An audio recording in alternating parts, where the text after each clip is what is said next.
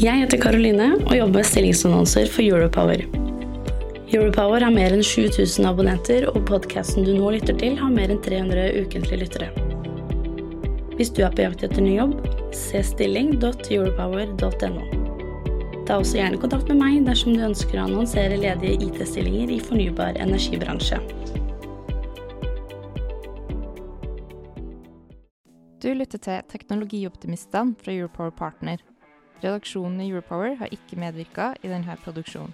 Du, Skjul, på vår store IT-konferanse så samlet vi nesten 300 deltakere. Men visste du også at vi samler teknologioptimister seks ganger i året for erfaringsdeling og nettverksbygging? Ja, og nå er det jo også mer enn 30 selskap som er medlemmer. Både nettselskap, IT-software-selskap, organisasjoner og mye, mye mer.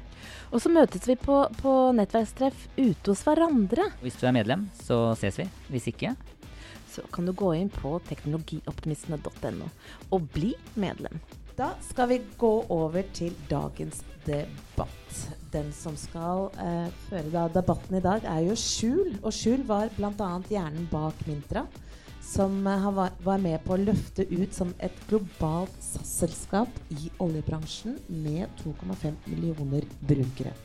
Han sitter også i styret til Onyx, et SAS-selskap som tidligere i år hentet inn 8 millioner fra Viking Venture for, for å gå globalt. Vær så god, Skjul. Tusen takk, Pia. Da går vi i gang. Hei og velkommen til uh, podkast og nettverkstreff for teknologioptimister her hos Statnett. Olje- og gassindustrien har gjennom mange tiår tatt et stort samfunnsansvar uh, og hjulpet norske IT-selskaper ut i verden. Det har bidratt til arbeidsplasser, uh, skatteinntekter og også nye selskap. Uh, og eksempelvis er jo da en tredjedel av aksjene i Europower, uh, Norges viktigste nyhetstjeneste for fornybar energi, finansiert med kapital fra salget av Mintra og da oljepenger. Så olja hjelper norske software-selskap ut, og, og, de pengene blir jo da igjen brukt til fornybarsatsinger. Uh, og spørsmålet her er da hvorfor ikke fornybarbransjen tar det samme samfunnsansvaret som uh, den gode, ekte olja. Uh, det skal vi prate om i dag, og vi skal debattere med Ola Hagen Øyan fra Statnett, Inga Landet fra Cognite, Asle Venås, DNV, Thomas Pettersen fra Embrik, Thomas Bjørnerud fra Captiva og Hege Wroldsen fra Microsoft. Velkommen. Takk. En liten klapp. Thomas Pettersen, du er CEO i Embrik. I hvilke land har dere kunder? Primært Norge og Sverige. Vi har jo noen kunder andre steder òg, men vi er representert i Norge og Sverige med egne, egne representanter fra Embrik. Så har dere jo både software og litt konsulent. Men hvis vi snakker om softwaren inn mot nettselskapene I, i, i Norge så er dere, er dere godt planta hos nettselskapene. Ja. Hvordan er det i Sverige? Vi er ganske godt planta inn i Sverige også. Eh, det vi leverer, har en relevans i de nordiske landene. Eh, de overgripende utfordringene eh, er ganske like, men rekkefølgen som kundene, nettselskapene, angriper problemstillingen på, er, kommer i, i, i, litt ulik rekkefølge. Får dere noe hjelp fra altså, Det som kjennetegner et nettselskap er jo at det er geografisk stedbundet.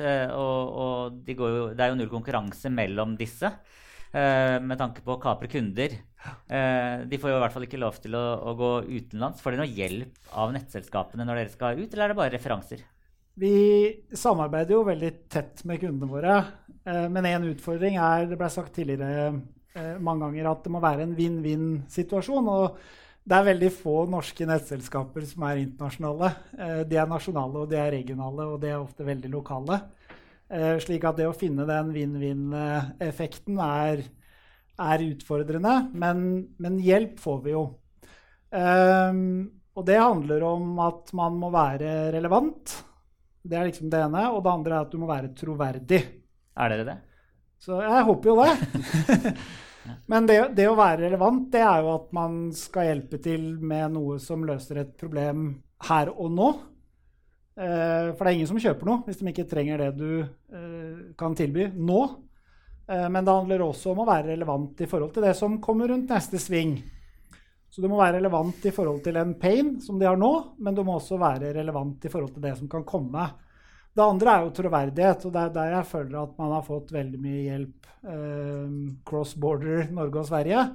Eh, fordi at eh, nettselskaper snakker sammen. De, de, tar en telefon, og de møtes i sine arenaer og sånn. Um, og det å få gode skussmål og det å ha de gode referansene er, er avgjørende.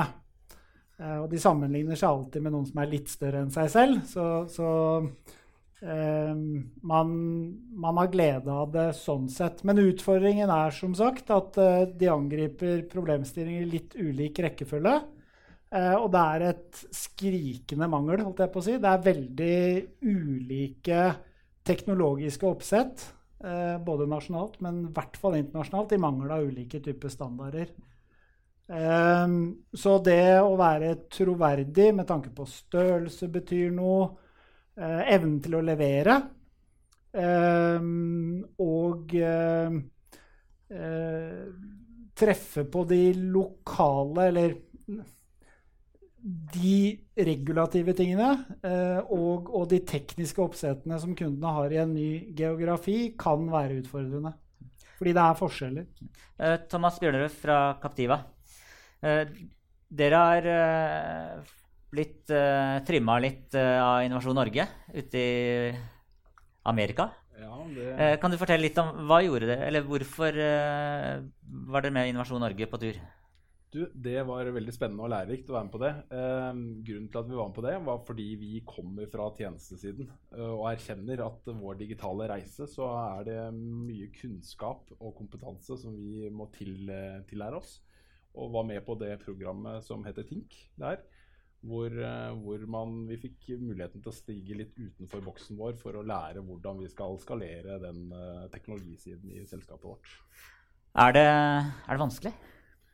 Ja, det er jo ikke lett. Det er jo helt, eh, helt eh, sikkert. Og er, for oss så er det jo en reise sånn gradvis fra, fra det kalde analoge til det digitale. Eh, men så må vi på en måte omstille oss litt med at vi, vi har bygd dette sten på sten. Men, men, det å få til da den nødvendige form og fasong og muligheten for å skalere er nøkkelen for oss fremover. Og det er ikke, det er, er ikke gjort i en håndvending.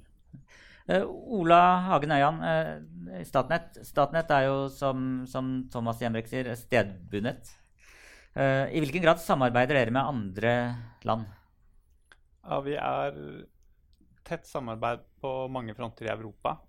vi har Sigre, vi har NSOE, sikkert mange andre ting og mange andre arenaer også.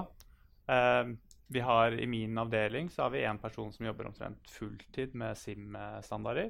Utvikling av den. Um, vi har um, uh, uh, Jeg tror til og med vi har et kontor i Brussel. Um, så ja. Og hvordan det at dere samarbeider med andre land, hvordan, i, i, hvor stor grad hjelper det IT- og software-leverandører som ønsker å gå uh, ja, europeisk, da? Mm. Nei, det at uh, vi som selskap vi står jo oppe i de samme utfordringene som veldig mange andre TSO-er. Eh, og DSO-er. Eh, I både ja, Norge og Europa og hele verden, egentlig. Med det med at det kommer mer forbruk, kommer, vi trenger mer produksjon.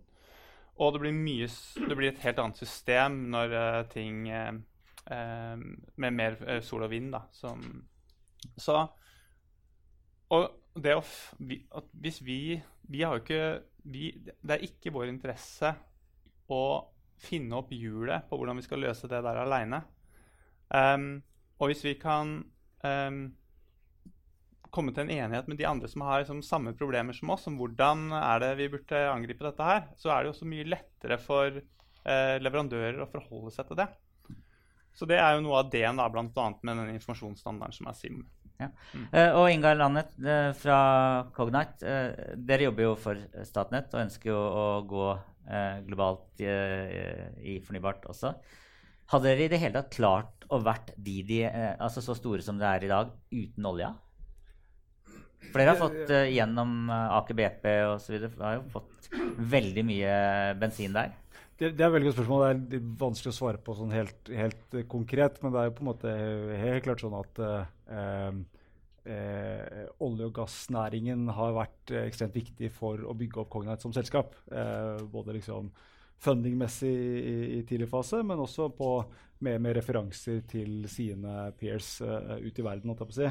Og så er det det jeg reflekterer ganske mye over, er forskjellen på olje-, gass- og kraftbransjen med tanke på liksom, en liksom stedbundethet og, og, regionalitet. på en måte. I, i olje- og gassbransjen så er det liksom litt forenklet, men det er på en måte det, du, kan, du kan, liste opp antall selskaper som er store globalt, på en måte, og de kjenner hverandre veldig godt. og Så kan du få liksom, de til å snakke sammen, og så, så, skaper du på en måte nettverkseffekt ut av det. Eh, som er litt vanskeligere å gjøre på, på kraft eller, eller, fornybar. Hvor man kanskje liksom må tenke litt mer man må tenke liksom litt mer strukturert på noen, det er noen nisjer, noen lommer. Disse typene selskapene snakker sammen på disse temaene, og disse typene selskaper snakker sammen på disse temaene. Og så får man liksom se hvilke, hvilke, veier man kan få ut av det.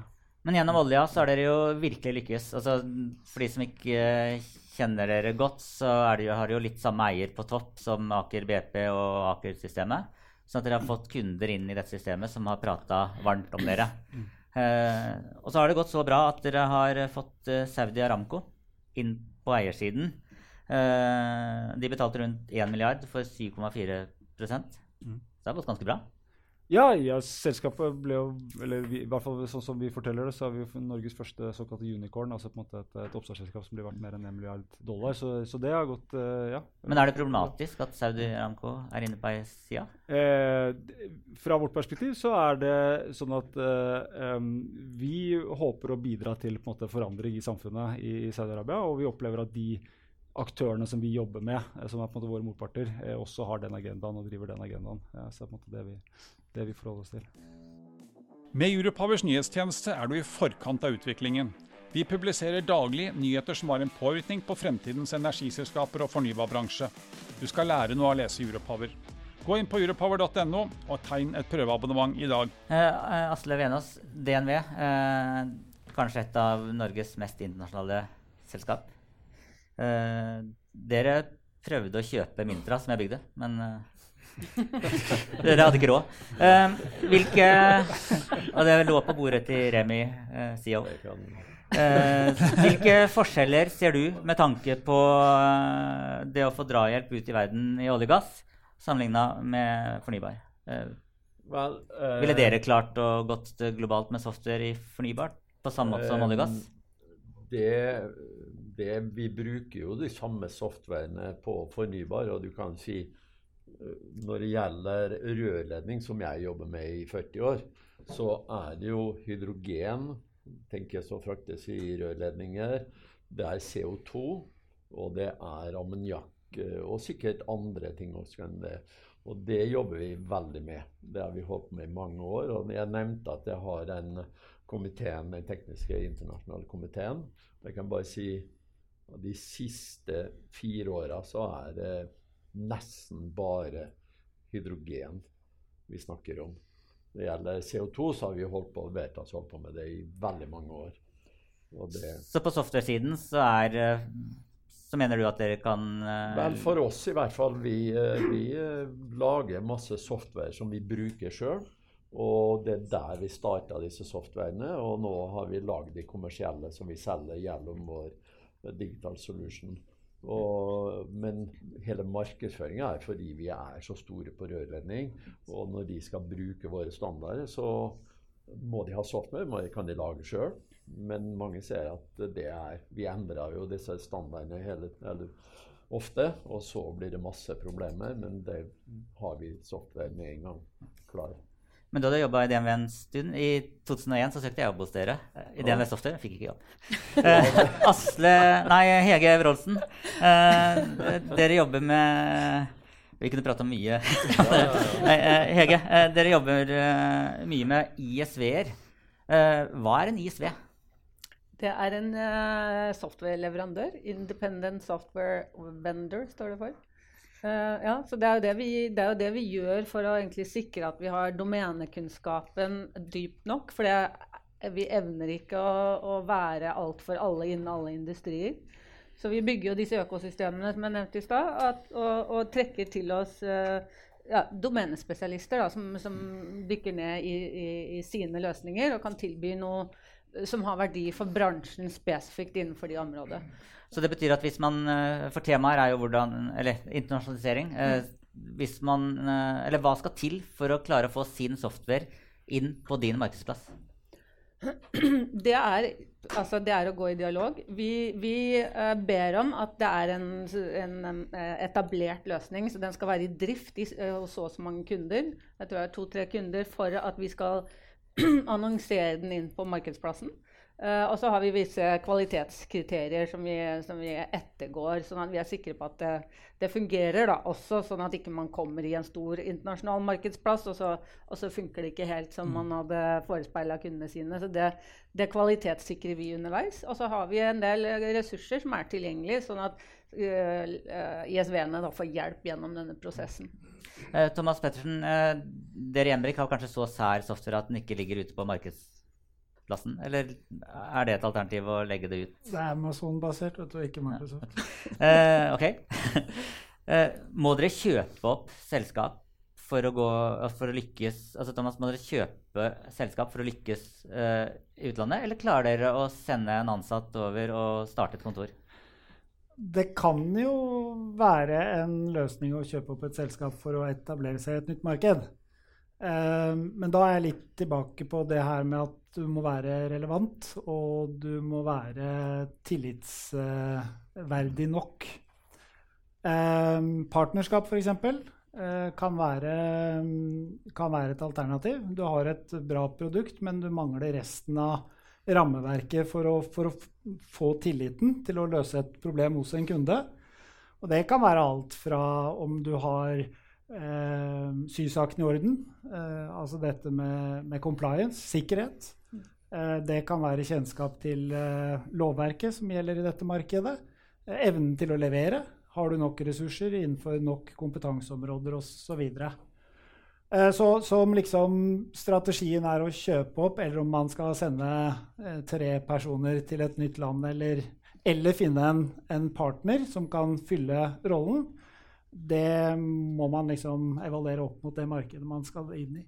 Men jeg tror jo da, Kjul, at, at det er hvis man liksom tenker at folk, folk kjøper av folk, og, og, veldig ofte så er det sånn at folk kjøper av folk som de kjenner, liker og stoler på. Så du, du må liksom etablere et, et, rammeverk rundt det. Det kan være et samarbeid med Microsoft som alle tror jeg aller fleste oppfatter som veldig seriøst og solid. ikke sant? Og så har du produktet, men du mangler liksom resten av, av isberget. da. Mm. Og du kjøper jo av meg. Ja. Dere var det første, første selskapet som eh, ble, ble, med i nettverket her, så, så, det er bra. Nå er det 34 selskap. Bare, var det Stolte du på meg? Eh, ja, jeg stolte på deg, Kjell. Um, men, men en ting som jeg syns er viktig å nevne i den sammenhengen, det er også at fra et leverandørperspektiv, altså nettselskapene er eh, relativt nasjonale, men rent internasjonalt så er det også et stort potensial at norske selskaper sammen Eh, kan fylle en større del av en totalleveranse i en ny geografi. Mm.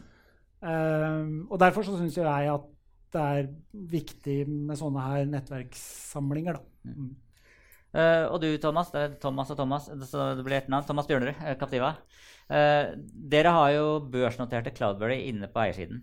Mm. Uh, gir det dere kapital til å kunne gjøre oppkjøp rundt omkring? Eh, det har gitt oss kapital til å satse videre på det digitale prosjektet som vi har startet på, og som vi er på reise med. Eh, og så har det gitt oss eh, tilgang til en, en industriell kunde som er med på å være villig til å ta våre produkter i bruk og være med på å forme, forme disse fremover. Har det vært viktig for dere? Ja, det har det absolutt vært. Så, har det vært vanskelig, da? Uh, med mye mer rapportering? Eh, ja, det har jo noen sider med seg å være børsnotert i forhold til å ikke være det. det, det men det har vært, vært, veldig positivt for Captiva.